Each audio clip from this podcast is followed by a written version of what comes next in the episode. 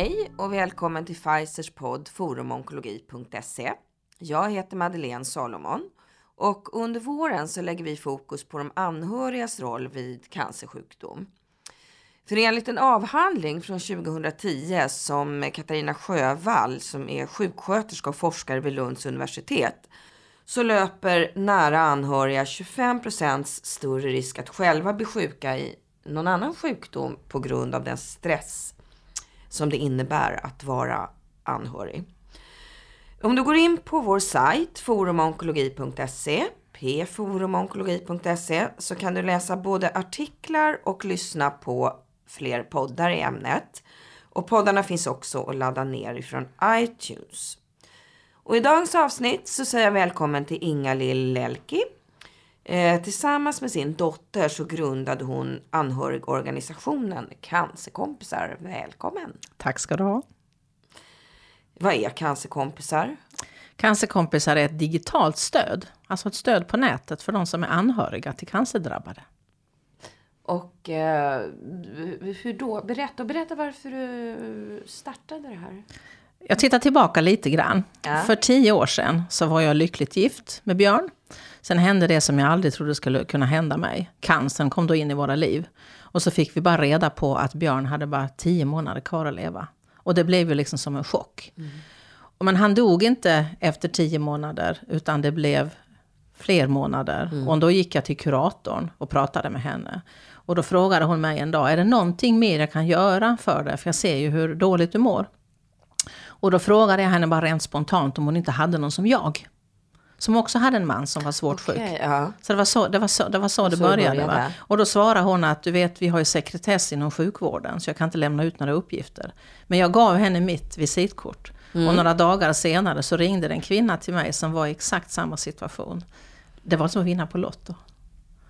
Och hon blev då min cancerkompis. Aha, Ja.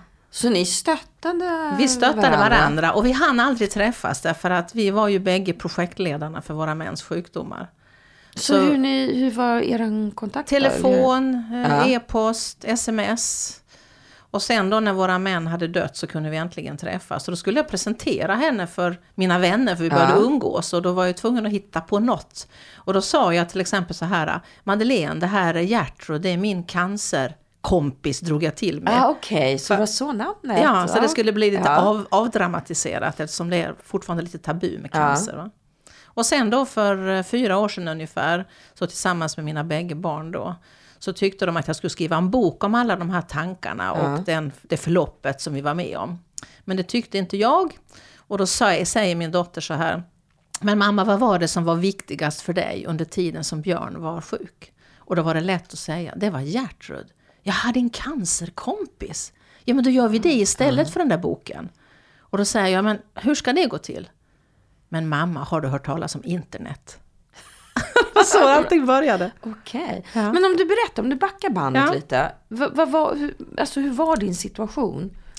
Vi var ju mitt i livet bägge två Ja. och hade liksom träffats och flyttade ihop med mina barn och dina barn. Han hade en Ah, chefsposition. Ja. och jag hade samma. Ja. Och vi jobbade och liksom livet rullade på.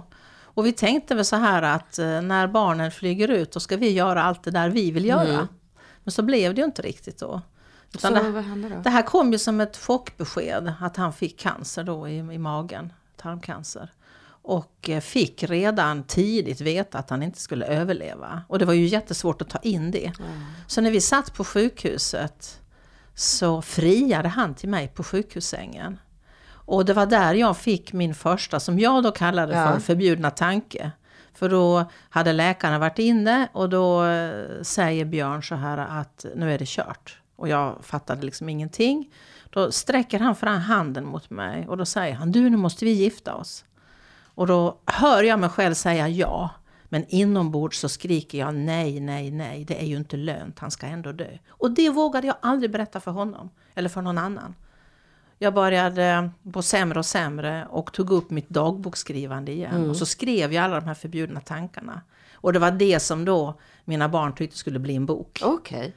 Vi ska komma tillbaka till det, för vi har under flera poddar som vi, har, har vi liksom pratat om det här. För att det är ju så att det finns förbjudna tankar. Eh, men jag tänkte gå tillbaka och fråga dig lite, vilken var din största utmaning som anhörig? Den största utmaningen är absolut att det är all fokus på den sjuka, ja. vilket det ska vara med all rätt. Men då blir det så att jag som anhörig och närstående, jag blir bortglömd. Mm. Dels blir jag den här uh, ofrivilliga projektledaren som då ska ta hand om eh, den sjukes eh, sjukhusbesök, följa med på behandlingar, gå på apoteket, svara i telefon när alla ringer och frågar hur mår han, hur mm. mår hon?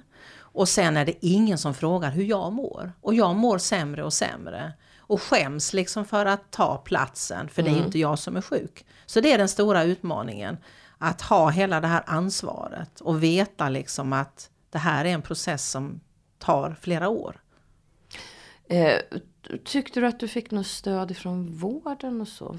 Var det någon som såg dig? Nej, det var det ju inte. Mm. Utan jag bad ju själv om hjälp och då fick jag hjälp av kurator. Ja. Och det ser jag ju idag också med de som vi har på vårt forum att det är väldigt många som inte ens får erbjudande om kurator. Oftast är det så att om vi säger att man har en sjuk partner mm. Eh, så får du som par erbjudande om kuratorshjälp. Men skulle då mannen säga nej, han vill inte ha hjälp att gå och prata med någon. Då får inte den andra partnern det heller. Vilket ju inte är mm. klokt. Gäller det alltså, barn eller andra närstående också då? Alltså när det, när det gäller barn som är eh, under 12 år, mm. då finns det ju en annan lagstiftning. Då har ju kommu kommunen skyldighet ja. enligt lag att ge stöd.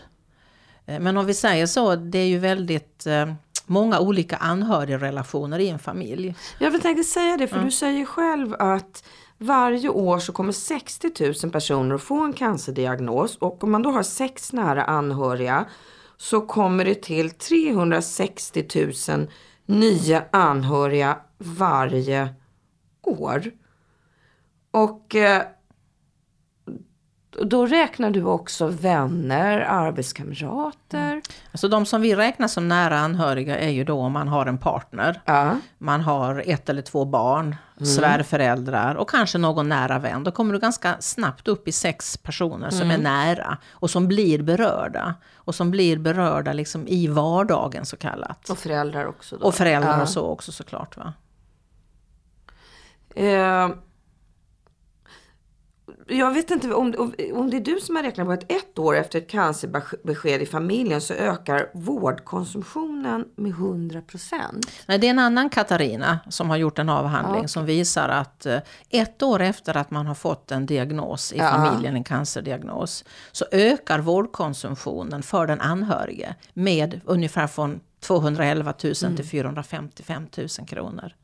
Och det Vad är det för... Eh, det, det, just det här att en cancerresa är oftast väldigt lång. Mm. Nu har vi en 71% i överlevnad, så de flesta överlever mm. cancer. Och då har du en lång resa, 3 till 5 år och mm. så vidare. Och under den här tiden Första tiden så tänker du inte ens på dig själv som anhörig eller närstående, utan då jobbar du på med ditt jobb kanske. Du eh, tar hand om familjen, mm. Eh, du sköter allt det praktiska runt omkring. Och sen när det har lugnat ner sig, om man är inne liksom i den här processen i sjukvårdsbehandlingen till exempel, då börjar jag tänka på mig själv. Och då kanske jag upptäcker att jag har ont i magen, jag får ont i en axel. Alltså det blir sådana här mm. stresssyndrom. Och det är ju väldigt många som aldrig kommer upp till 100 procents eh, arbetsförmåga igen efter att man har levt ja. en sån resa i kanske 3, 4, 5 år. De som eh, söker kontakt kan man säga på cancerkompisar. Eh, vilka behov brukar de ha? De har behov att bli sedda och mm. bli bekräftade mm. eftersom det här att det är fokus på den sjuka, att man inte frågar dig som anhörig, hur mår du? Och det finns ju olika anledningar också till att man inte frågar. Dels för att man eh, tror inte att man ska våga fråga för att man vill inte göra den anhörige ledsen. Eller att man är själv rädd för cancer mm. så man vill inte, man tar ett steg tillbaka. Eh, det vi ser inne på forumet som vi modererar är ju att anhöriga skriver av sig av sin ångest, sina förbjudna mm. tankar som jag pratade tidigare om. Eh, om att till exempel de är på väg och ska gå ut genom dörren. Då går grannen in igen därför de tänker oh nu kommer den där cancerfamiljen, de vill vi inte prata med. Så det är mycket frustration och mycket behov av att få dela det som jag känner att jag kan dela med någon som precis Mm. förstår hur det är. För det är det som är nyckeln i cancerkompisar. Att du får kontakt med en person som har eller har varit i samma situation. Eh, Och det här att man har samma anhörigrelation är också väldigt avgörande. Och det som är det unika... Hur tänker du då? Samma? Jo, det, det, det som då är det unika med cancerkompisar, man går in och registrerar sig. Ja. Du skapar dig en profil och enligt vissa kriterier, bland annat att du fyller i din ålder, du fyller i vilken anhörigrelation den sjuka har. Aha, så, man ma- så ni matchar, Så vi matchar ihop, samman, liksom om ja. det är föräldrar Exakt. eller om det är maka eller make. Ja, precis. Ja. Eh, Och sen är också statusen på den sjuka, eller den, om vi säger så att är personen död eller levande, är också viktigt. Ja. För det är ju inte relevant att bli matchad med någon som har en, en partner som lever och någon som har en partner som är död. Nej, just det. blir inte riktigt samma Nej. diskussion. Så den där unika matchningen, den är väldigt betydelsefull. Och sen har vi också ett forum där man då öppet kan prata med varandra. Och det som också är ett behov som man har utöver att prata av sig, det är att få den här bekräftelsen. Mm. Och du vet hur det ser ut på Facebook, man har en sån här tumme, det. Mm. eh, gilla-knapp. Nu har de ju kommit med ett hjärta också, tack och lov, på Facebook. Men det här började vi med för några år sedan, så vi har ett litet hjärta. Mm. Så när du har en, eh, skapat en profil och då står mitt namn Inga Lill och en liten beskrivning om mig själv, så finns det ett litet hjärta under mitt namn. Så att om jag skriver ett inlägg och eh, vi känner kanske inte varandra du och jag, men du vill ändå visa att du har läst mitt inlägg, du har sett mig, du känner att du har empati till exempel för mig. Då trycker du på hjärtat och då börjar det pulsera och då står det kramat. Okej, och så går det ett litet e-postmeddelande till dig. Hej Madeleine, du har fått en kram av Inga-Lill. Och det här betyder så oerhört mycket, Ja. det ser vi ju på den responsen vi får tillbaka. Idag har jag fått kramar, jag känner att ni hör mig, ni ser mig.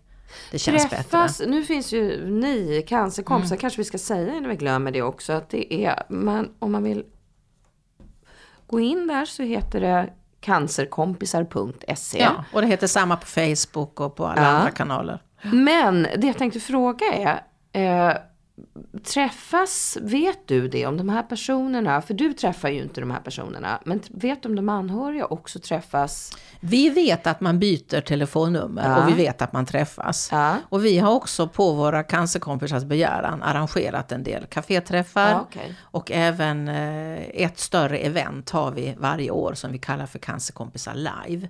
Men det som, är, eh, det som ger bäst resultat är när du får träffa någon som har samma anhörigrelation. Mm. Och har man en större träff och man är i blandade situationer, då har man inte riktigt samma utbyte. Men man kan ha utbyte också Mm. såklart. För att jag tänker, alltså jag har ju förstått det, eller det, verk- det är ju ett problem att vården själva kanske inte tar tag i de här frågorna. Eh, vad tror du skulle vara bra? Eller hur skulle vården på ett enkelt sätt kunna hjälpa till? Vården hjälper ju till redan idag till viss del genom att berätta att cancerkompisar finns. Okej. Och Ja. att man börjar se anhöriga på ett annat sätt.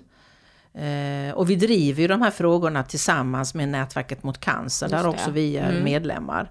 Eh, en organisation som driver de här frågorna rent strategiskt. Så det, anhörigfrågan och närståendefrågan lyfts ju mer och mer. Och när det gäller de som jobbar konkret ute i vården, den viktigaste personen är ju kontaktsjuksköterskan. Som egentligen alla har rätt till att ha en kontaktsjuksköterska. Och de är ju väldigt flitiga på att höra av sig till oss och begära vårt informationsmaterial för att kunna lägga Ja. ut i väntrummen. På onkologen, på strålbehandlingen. Vår vision är ju att ingen ska behöva bli sjuk av att vara anhörig. Nej. Och då vill vi ju att vi ska ha vårt material ute på varenda klinik överallt i hela Sverige. Så det är ju det vi jobbar på. Jag tycker att de är duktiga men det vi kan sprida idag det är ju liksom bara en droppe i havet. Eftersom nu cancertalen verkligen ökar.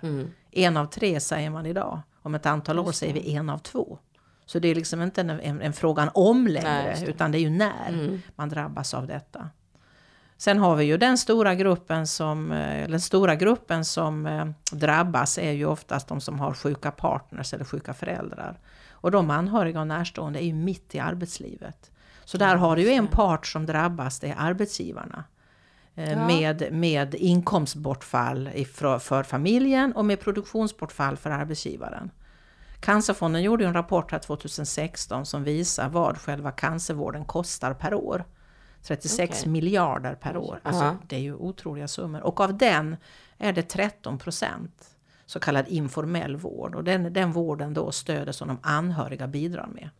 Så att 4,6 i- i- miljarder. Egentligen är det så att skulle man ha ett bra stöd Ja. från anhöriga så skulle man inte bara spara lidande utan man skulle också spara Du skulle spara massor, Pengar, ja. massor med pengar för hela samhället. Och, och den här typen av stöd som vi eh, tillhandahåller är ju liksom tillgängligt dygnet runt, 365 dagar om året. Mm. Därför det bygger på det här peer-to-peer, att de anhöriga stöttar varandra Mm. och vi ser till att det är möjligt. Eh, Det som eh, vården har varit i kontakt med oss nu, vi jobbar tillsammans med Regionalt cancercentrum, finns ju på flera Mm. Platser. Och Syd och i Lund där vi har vårt säte. Eh, Så vi har tillsammans med någon börjat forska och titta på vad är det för någonting det handlar om med anhöriga. Alltså, Just det, för ja. det tar du faktiskt Mm, upp också. Att ett av, målen med cancerkompisar är också att eh, eh, initiera forskning. Ja. Eh, berätta.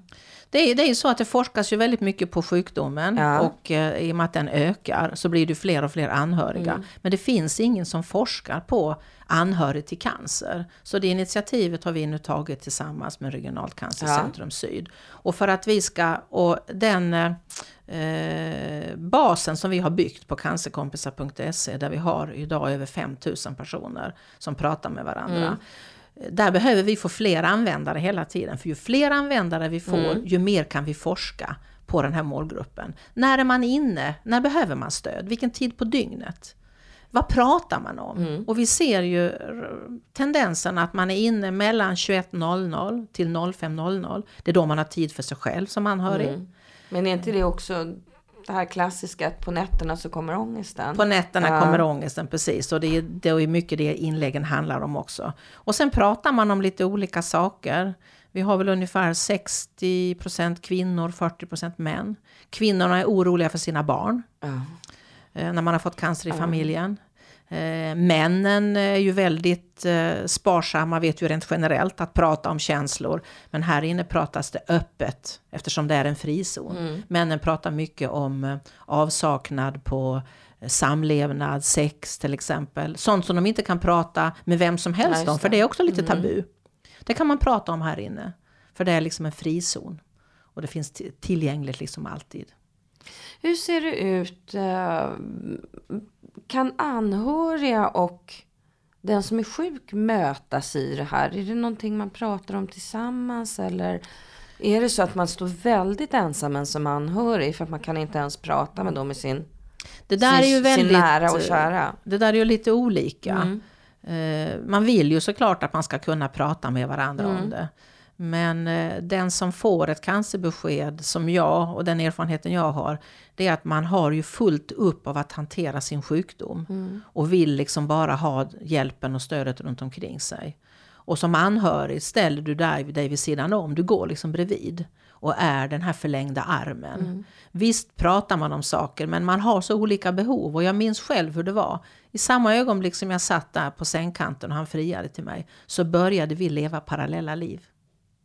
Han hade sin agenda och jag hade min agenda. Vad hade ni för olika agendor? Han tänkte så här. Oj, nu har jag så kort tid kvar Mm. att leva. Nu vill jag göra så mycket som möjligt. Han gjorde en bucket list.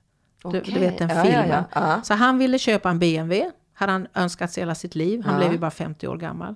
Och han ville, han ville vi skulle gifta oss. Och så ville han bygga utedass på sommarstugan till sina barn. Får jag fråga vad det var för eh, cancer? Det var eh, mag. mm, just det, det sa du. precis, ja. ja. Och jag tänkte så här, men herregud, hur ska jag klara mig utan honom? Vem ska pussa på mig? Vem ska krama Mm. mig? Hur ska det gå med huset? Var ska vi bo? Vad ska hända? Hans barn och mina barn. Så vi hade Mm. helt olika fokus. Helt parallella liv. Mm. Och då blir det kanske svårt också att mötas och prata om det svåra. Sen tänker jag att de som lever med cancer där det inte har dödlig utgång, Mm. eller nu visste vi ju det, men där pratar man säkert gemens, om gemensamma saker kanske lite längre fram när chocken har lagt sig. Många börjar skriva testamente, Mm. kanske göra, eh, ja, förbereda sig för andra saker i livet Mm. som man kanske inte har trott att man ska behöva ta tag i. Och därför så, eh, och, och inne då på cancerkompisar.se så pratar man ju om alla de här möjliga, alla de här möjliga och omöjliga Mm. utmaningarna du står inför. Och så ger man varandra tips och råd. Vad upplevs som det mest krävande då? Som anhörig? Ja. Det är att inte bli sedd och inte bli Det är så- bekräftad. ja. Mm. Gäller det, men det vet du kanske inte. Det finns ju, alltså, barn så sa ju du upp till 12 år. Men man tänker så här, är det tonåringar och så inne också? Vi har, eh, platsen är öppen för, Mm. från 13 år och uppåt. För det är då vi har förstått att man liksom har tillgång till, Ja, in, det. till, till internet. va. Men där har vi ju en utmaning därför att är, man säger ju så eh, att barn ska inte stötta andra barn. Utan när barn har ett problem, då går man till sina föräldrar. Mm. Låt säga då att vi har eh, en, en mamma som har fått cancer. Eh, Då vill ju inte gärna tonåringen gå till sin pappa för pappan är redan ledsen. Ja. Man vill inte belasta Man vill inte belasta kanske. liksom. Va? Och antingen trycker man ner det och så går de till skolan och vi vet att de går kanske till kuratorn om de redan har en kontakt med kuratorn. Men de går inte till kuratorn och säger du min mamma har cancer, kan jag få prata? Det gör man inte. Utan då sitter man där rätt så ensam. Så därför har vi ju flera cancerkompisar som också är unga som då träffar varandra. Vi har ju de här två flickorna som vi har där på det där vykortet som jag gav dig. Via och Kajsa. Som träffades eh, via vårt Cancerkompisar live för ett par år sedan. Och då kom deras pappor med och då säger den ena flickan så här. Ja men pappa, du får gå till det rummet där för du vet eh, vi har ju inte samma anhörigrelation. Du har ju en fru som har dött. Ja, jag har en det, mamma, mamma. som har Mm. dött. Så de, de är helt på det klara med vad Mm. det här stödet handlar om. Och de här två flickorna hade ju aldrig träffats om det inte vore för Ja, cancerkompisar. Så att, men det är ett dilemma därför att tonåringar eh, trycker ju ner saker och av andra anledningar också. Va? Så att när cancer drabbar en familj så drabbar det de unga väldigt, väldigt Mm. hårt. Hur långt bak i den här anhörigkedjan kan man säga påverkas? Hur tänker du nu? Nej, men jag tänker att, att som du säger att varje anhörig har ju inte bara, det behöver inte bara vara den närmsta Nej, familjen. nej. Du har ju som du säger, det är svärföräldrar Ja, och det är precis. föräldrar. Det kan ju vara vänner och Jag kan- arbetskamrater. Finns det något sätt som, eh, hur ska man stötta? De anhöriga. Alltså man säger så här, ju längre bak i den här kedjan man kommer, desto mer kanske man kan stötta de anhöriga. Eller hur stöttar man varandra? Går alla upp i sin egen sorg och oro? Eller? Det viktigaste som vi på Cancerkompisar säger det är att när du vet att någon i din närhet har fått ett cancerbesked eh, och du är anhörig till exempel, det är ju, det, är ju det vi är bäst på. Fråga direkt. Hur ska du och jag kommunicera med varandra? Ja. Hur ska vi ha kontakt? För du vet hur det är när det går för länge och man har fått reda på någonting. Då tänker man efter ett tag, nej jag frågar inte nu, det är inte lönt, det har gått för lång tid. Ja. Så därför är det ju jätteviktigt att direkt Ja. fråga, okej Madeleine, du har hänt något tråkigt i din familj. Eh, hur ska du och jag ha kontakten? Eh, ska vi ringa? Eller ska jag smsa dig eller ska Mm. jag mejla dig? Och då är det att den som är frisk ska alltid vara den som tar initiativet. Jag hade ju en väldigt god vän då när det här drabbade mig för många år sedan. Som alltid skickade sms till mig och jag svarade nästan aldrig. Nej. Jag avbokade våra luncher eh, nio gånger av tio men hon gav aldrig upp. Och det är det bästa rådet att ge. Mm. Finns där hela tiden och ta initiativet och fråga inte vad kan jag göra för dig? Därför att när jag är mitt i en cancerresa så orkar jag inte säga vad jag vill ha hjälp med för jag har så fullt upp. Ja. Så åk hem med en gryta chili och ställ utanför dörren eller bara ring och tala in ett meddelande. Eller hämta barnen om man är familj. Nu tar jag med barnen på simhallen några timmar så kan du vara lite för dig själv. För det är det viktigaste rådet som vi Men ger. nu pratar du om, alltså det här är hjälpen till anhöriga. Det här är hjälpen Ja. till, till, till, till, anhöriga. Ja. Mm. Precis. Och jag tror det är likadant för de som är drabbade och sjuka. Att våga fråga. Och jag menar, jag ser ju också hur det drabbar arbetsplatser. Större arbetsplatser. Låt säga att eh, vi har ju kontakt med lite olika företag där eh, du har en eh, person som kanske har en chefsposition. Och då blir ju den personens medarbetare Mm. väldigt nära anhöriga. Vi hade en kille här för ett tag sedan som blev 29 år och han dog av sin cancer. Det drabbade ju arbetsplatsen katastrofalt. Och där behövde de ju hjälp med att våga prata och lyfta upp den här elefanten i rummet. Det är ju jätte... För vad händer om jag inte pratar om hur jag mår, oavsett vad det är? Då mår jag ju ännu sämre. Så det här att lyfta upp det. Och våga fråga och våga prata. Och de gjorde något väldigt, väldigt fint där. Eh, när han hade dött. Så skaffade de en liten eh, vad heter det? En sån här liten gästbok. Ja. Där alla fick Ja, gå in i ett rum. Kondoleansbok, ja. Där de fick gå in och skriva ett sista farväl. Mm. Och så gav de det sen till familjen. Eh, Och så pratade man om det här. Vad har du skrivit? Och nu ska jag gå och skriva en gång till. Och att vi, vi måste våga liksom prata om det här. Och nu är det ju, än en gång, det är ju långt ifrån alla som dör. I, idag är det ju så med cancer att eh, vi har ju sådana fantastiska eh, behandlingar och metoder och det utvecklas ju hela tiden tack vare forskningen. Så du överlever ju din cancer. Och vad händer då? Jo, då får du cancer en gång till. Det blir kronisk cancer. Så har du haft cancer i familjen och haft en resa som är klar efter fem år. Då kanske om fem år igen får man en ny sorts cancer. Okej. Mm. Så att de som är anhöriga och sjuka de säger ju det att det ligger som en slags eh, dimma. Ja, Jag tänkte säga, kan man slä- Hela tiden. släppa det då? Det måste man ju Ja. göra men jag tror att eh, som med allting annat, du vet eh, det kan ju triggas av en eh, doft, av en maträtt, Mm. av en musik. Alltså, Mm. det ligger ju någonstans i kroppsminnet och kommer fram vid lite olika tillfällen. Har man även som, man kanske har det mer som anhörig, att man har den här oron i bakhuvudet hela tiden. Att det ska, det ska komma tillbaka Ja. eller som du säger, någon annan, i en annan Precis, form. precis. Att det, det har man och, och det som många berättar och, och eh, Mm. vittnar om det är att den oron har jag som anhörig men jag berättar inte om den för den sjuka.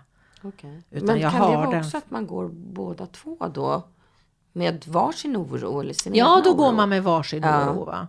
Och, eh, därför är det viktigt att anhöriga får stöd på sitt håll. Mm. Men att man också såklart skulle behöva ha stöd gemensamt. Men det blir ju så om du, stödet som finns idag ligger ju på sjukvården. Mm.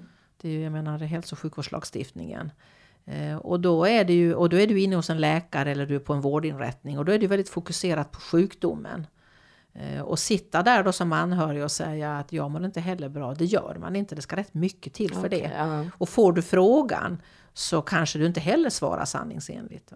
Så, så, här, så här har vi ju en, en, en stor samhällsutmaning att inte det finns någon instans eller någon som ansvarar för gruppen anhörig till cancer.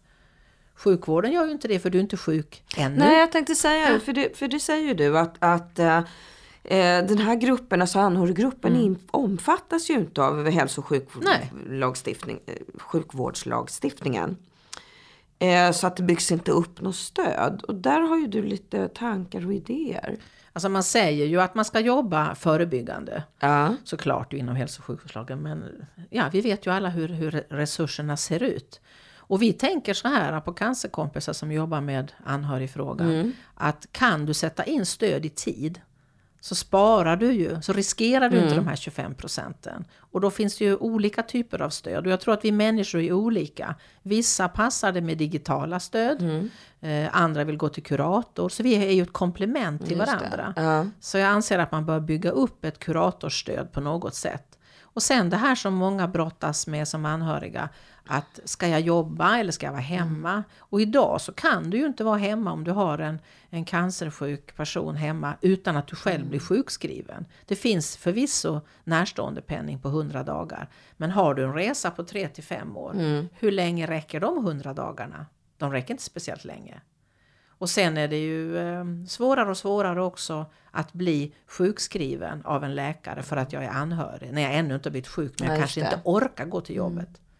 Och jag är ju inte sjuk. Så att det är ju också ett litet dilemma det här och jag vill ju inte bli sjukskriven. Så man skulle ha någon form av anhörig eh, sjukpenning fast det Ja, inte heter det. sjuk, utan Ja. anhörigpenning. Ja. Som är något mer än det här närståendepenningen.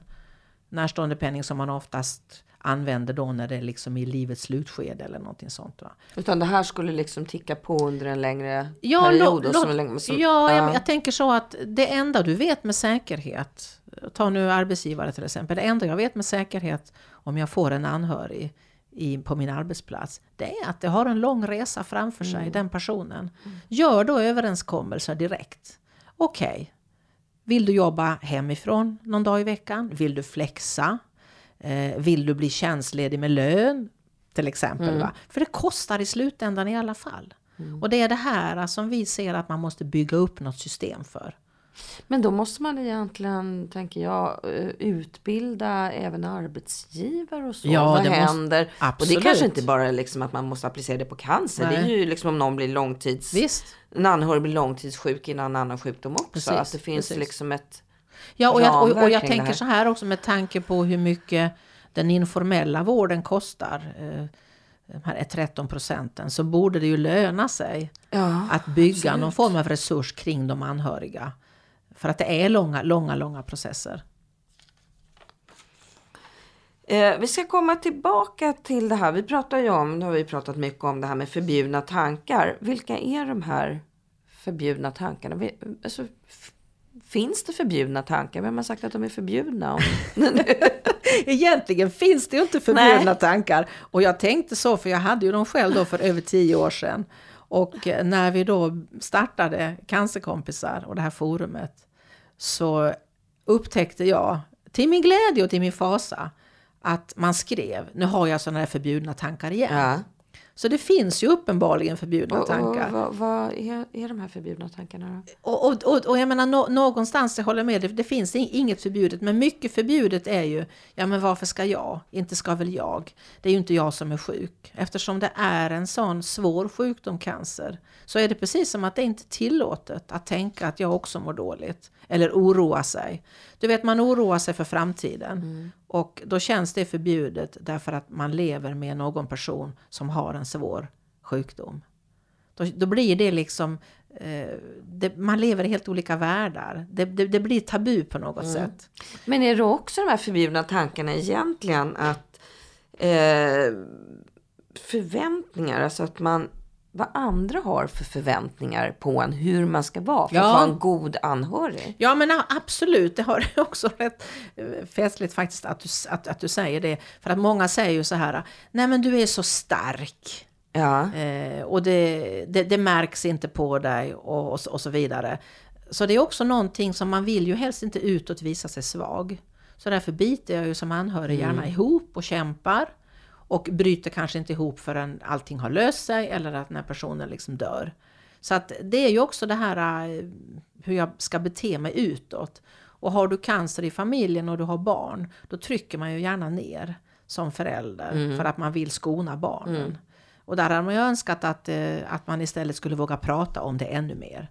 För det finns ju inget förbjudet på något sätt. nej. Men sen också det här, jag menar vi har ju alla basala behov i livet. Äta, sova, eh, samlevnad och brist på då samlevnad som också det pratas en hel del om. Det är ju jättetabu att prata om det och känns förbjudet. Men varför då egentligen? För det är ju lika naturligt som att äta, dricka, sova. Men det blir, det blir, allting sätts på sin spets när man pratar om cancer. Då blir det precis som att de här vanliga eh, behoven och reaktionerna sätts åt sidan på något konstigt sätt. De sätts ur spel.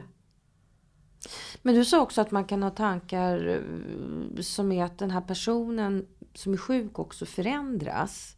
På, Ja. på vilket sätt? Jag minns, du- eh, jag minns det själv och jag ser också på forumet eh, där man skriver rakt ut att nu har min man behövt raka av håret. Han ser hemsk ut. Jag tycker till och med han är ful. Usch, det här skulle jag inte ha skrivit. Men jag Ja. tar inte bort det, jag låter det stå kvar. Och så skriver någon annan, ja jag vet, så är det för mig också. Eh, personer som lever runt omkring och, och med cancer blir ju, eller den som blir sjuk och drabbas av cancer blir ju såklart, vissa blir ju personlighetsförändrade. Och det är ganska tufft att ta det. Någon man älskar, någon man tycker om, man har nära, blir en annan person. Hur, På- det, på- hur, på- hur på- visar det sig? Ja, dels på grund av det yttre men också alltså utseendet men också det här att eh, personen kanske får kortare stubin, blir lättare arg. Jag vet inte hur många gånger jag har läst om människor som blir utskällda för av ingen anledning och biter ihop och sväljer. Ja, men det är synd om henne. Jag förstår henne. Men det är inte kul att ta emot. Ja. Och då får man kanske höra saker som man inte vill höra. Man gör allt för att hjälpa till. Och ändå så räcker jag inte till. Och så blir jag dessutom utskälld. Och det här gäller även alltså, när man säger när, när sjukdomen går bra eller Exakt, ja precis. För du har, ju, Ja. du har ju olika faser du, Ja. går, du går igenom. Jag tror väl det här att som människa vill jag ju bara hjälpa till. Om jag då inte blir förstådd Mm. eller missförstådd eller jag blir orättvis behandlad. Det känns inte bra.